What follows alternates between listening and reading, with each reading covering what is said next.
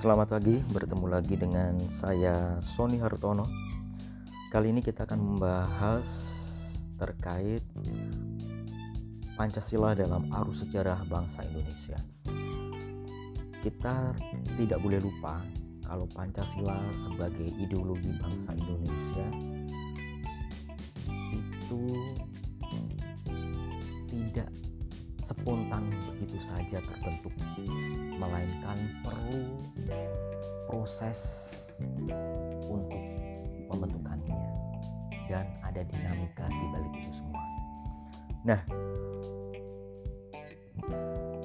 ada beberapa tahapan sampai disahkannya Pancasila yaitu eh, pertama periode pengusulan Pancasila, kemudian periode perumusan Pancasila dan periode pengesahan Pancasila.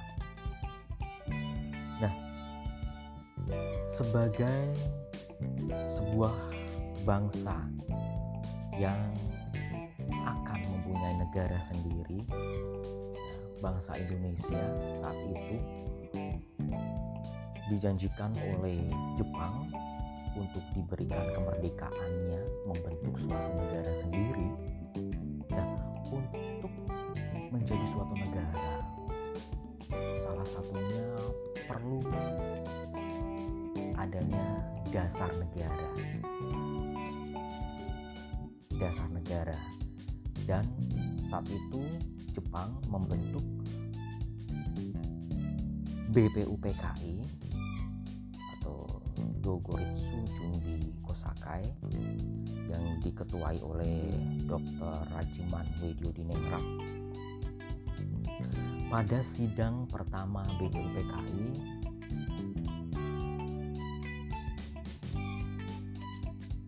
tanggal 29 sampai 1 Juni 1945 ada beberapa tokoh yang berpidato mengusulkan terkait dasar negara. Di antaranya adalah Muhammad Yamin, Mr. Supomo, dan Insinyur Soekarno. Nah, dalam hal ini ya, um, ada satu istilah yang dikemukakan oleh Insinyur Soekarno terkait dasar negara pada pidatonya 1 Juni 1945 yaitu Pancasila. Atau lima dasar lima aturan lima pokok pikiran yang terinspirasi ketika beliau diasingkan di ND di Flores merenung. Merenung atau bermeditasi di bawah pohon sukun. Pohon sukun itu daunnya itu menjari seperti lima jari tangan bentuknya. Nah, kalau penasaran bagaimana bentuk daun sukun di googling aja ya. Sukun. Gede daunnya gede. Daunnya itu selebaran kayak daun jati tapi bentuknya seperti jari Nah, beliau mengucapkan pertama kali ide dasar negara ada lima ide dasar negara lima poin di situ ya, dengan sebutan Pancasila yang pada akhirnya nanti ya ketika tahun 1947 itu nanti ada buku yang berjudul akhirnya Pancasila Nah, sejak saat itu tanggal 1 Juni ditetapkan sebagai lahirnya Pancasila. Sebenarnya bukan lahirnya Pancasila sebagai satu dasar negara, tapi lebih tepatnya lahirnya istilah Pancasila 1 Juni itu. Nah, uh, Insinyur Soekarno saat itu berpidato dengan gagasan sebagai berikut. Yang pertama, nasionalisme atau kebangsaan Indonesia. Yang kedua, internasionalisme atau perikemanusiaan. Yang ketiga, mufakat atau demokrasi. Yang keempat, kesejahteraan sosial. Dan yang kelima, ketuhanan yang berkebudayaan. Ya, ketuhanan yang berbudaya. Oke. Okay setelah itu ya setelah sidang BPU PKI tanggal 29 Juni eh 29 Mei maksud saya sampai 1 Juni 45 kemudian uh, diteruskan dengan sidang BPU PKI yang kedua ini sudah masuk dalam tahap perumusan Pancasila yaitu 10 sampai 16 Juli 1945. Nah, ini wujud hasil dari sidang kedua ini adalah Piagam Jakarta. Nah, Piagam Jakarta ini merupakan naskah awal pernyataan kemerdekaan Indonesia dan pada alinea keempat Piagam Jakarta itulah terdapat rumusan Pancasila sebagai berikut. Pertama, ketuhanan dengan kewajiban menjalankan syariat Islam bagi pemeluk-pemeluknya. Kedua, kemanusiaan yang adil dan beradab. Ketiga, persatuan Indonesia. Keempat, kerakyatan yang dipimpin oleh hikmat kebijaksanaan dalam permusyawaratan perwakilan. Kelima, keadilan sosial bagi seluruh rakyat Indonesia. Kelima poin ya, dalam piagam Jakarta ini mirip dengan Pancasila yang ada saat ini. Yang berbeda pada sila pertamanya. Kalau dalam piagam Jakarta disebutkan bahwa ketuhanan dengan kewajiban menjalankan syariat Islam bagi pemeluk-pemeluknya. Nah, di rumusan Pancasila yang final yang berlaku sampai saat ini diganti menjadi ketuhanan yang maha esa. Dalam kata lain, arti kata lain, ada tujuh kata dalam piagam Jakarta yang dihapuskan, yaitu kata dengan kewajiban menjalankan syariat Islam bagi pemeluk-pemeluknya. Hal ini dikarenakan tujuh kata itu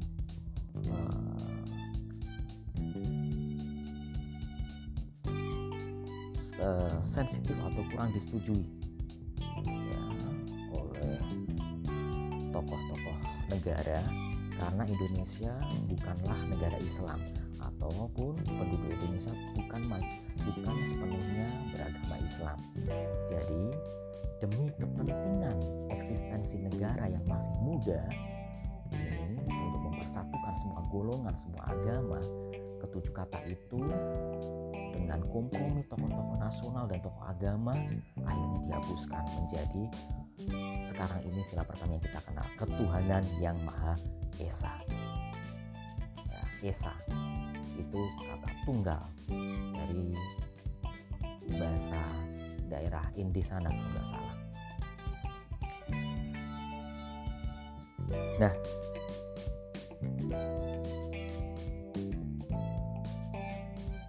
kemudian dari rumusan piagam Jakarta yang sudah di rubah itu ya eh, menjadi rumusan Pancasila sekarang itu ya itu disematkan dalam alinea keempat pembukaan preambul Undang-Undang Dasar nantinya terkenal sebagai Undang-Undang Dasar 1945 yang pada akhirnya diundangkan Undang-Undang Dasar 1945 itu sehari setelah proklamasi kemerdekaan tanggal 17 Agustus 45 dan UUD 45 itu diundangkan tanggal 18 keesokan harinya.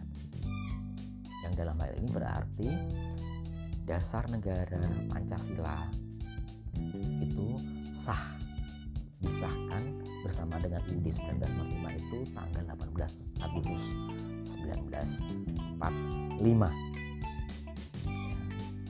itu itu tonggak sejarahnya.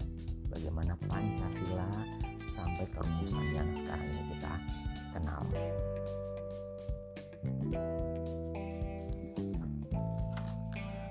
Dalam perjalanannya Undang-Undang Dasar 1945 dan dalam pembukaannya itu memuat Pancasila, dasar Pancasila ini mengalami berbagai macam tantangan.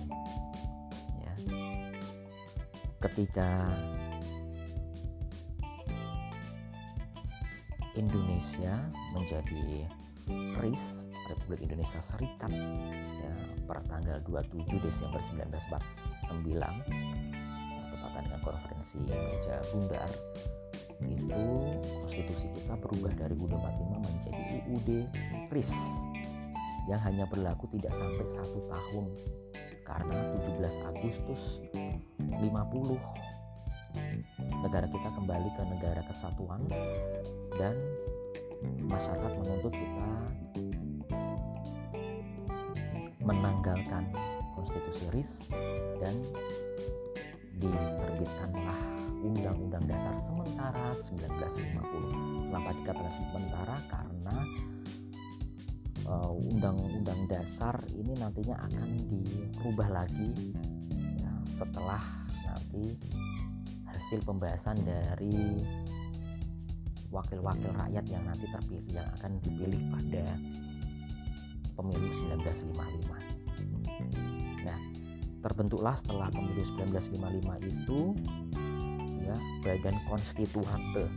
Badan Konstituante yang bertujuan untuk membuat undang-undang dasar yang baru menggantikan UUD 50. Namun, dalam pembahasannya tidak selancar yang direncanakan semula.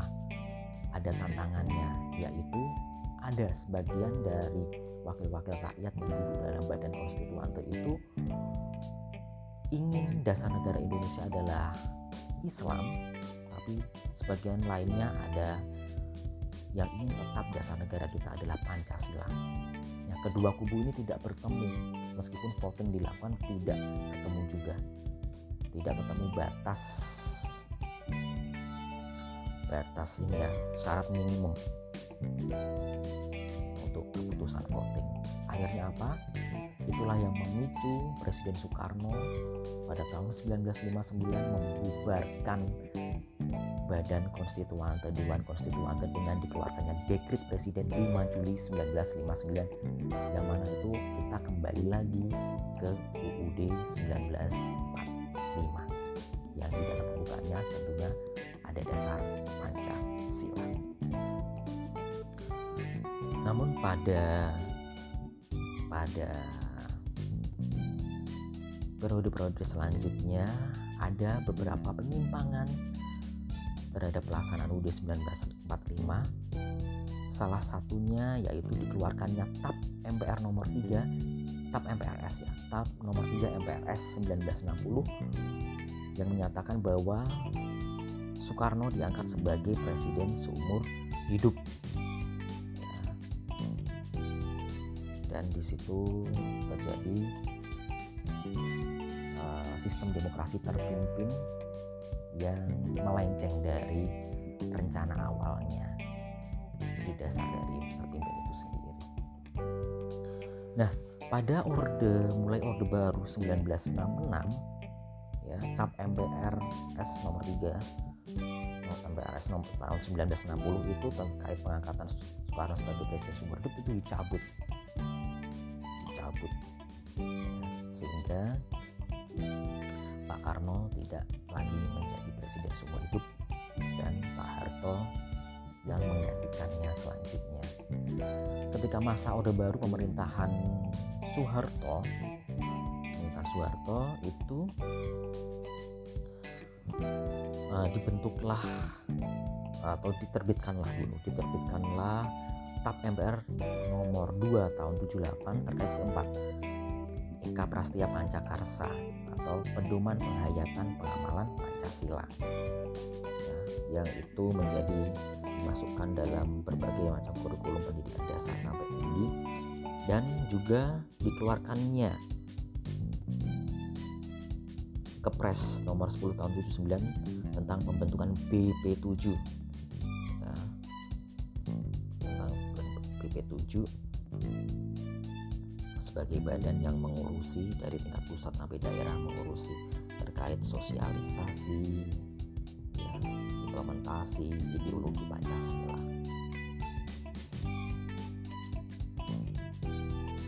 Nah dalam uh, ketika reformasi bergulir ya P4 dan BP7 BP4 tetap terkait P4 dicabut begitu pula dengan BP7 yang dibubarkan. Ya, sehingga uh, awal-awal reformasi pendidikan Pancasila sekiranya uh, kurang menjadi fokus perhatian pemerintah karena banyak stigma di masyarakat bahwa pendidikan Pancasila itu erat hubungannya dengan Orde Baru. Dan di situlah mulai uh, pemahaman penghayatan terhadap Pancasila berkurang pada generasi muda. Untungnya saat ini uh, pendidikan Pancasila sudah masuk dimasukkan kembali ke dalam kurikulum pendidikan ya, terutama di pendidikan tinggi yaitu sudah menjadi salah satu mata kuliah wajib perguruan tinggi. Ya. Kemudian uh, kita bicara terkait alasan diperlukannya Pancasila dalam kajian sejarah bangsa Indonesia. Yang pertama, Pancasila itu sebagai identitas bangsa Indonesia. Sebagaimana diketahui bahwa setiap bangsa mana pun di dunia ini pasti memiliki identitas yang sesuai dengan latar belakang budaya masing-masing. Budaya merupakan proses cipta, rasa, dan karsa yang perlu dikelola dan dikembangkan secara terus-menerus. Budaya dapat membentuk identitas suatu bangsa melalui proses inkulturasi dan akulturasi. Pancasila sebagai identitas bangsa Indonesia merupakan konsekuensi dari proses inkulturasi dan akulturasi tersebut. Kebudayaan bangsa Indonesia merupakan hasil inkulturasi, maksudnya yaitu proses perpaduan berbagai elemen budaya dalam kehidupan masyarakat sehingga menjadikannya masyarakat berkembang secara dinamis, tidak statis.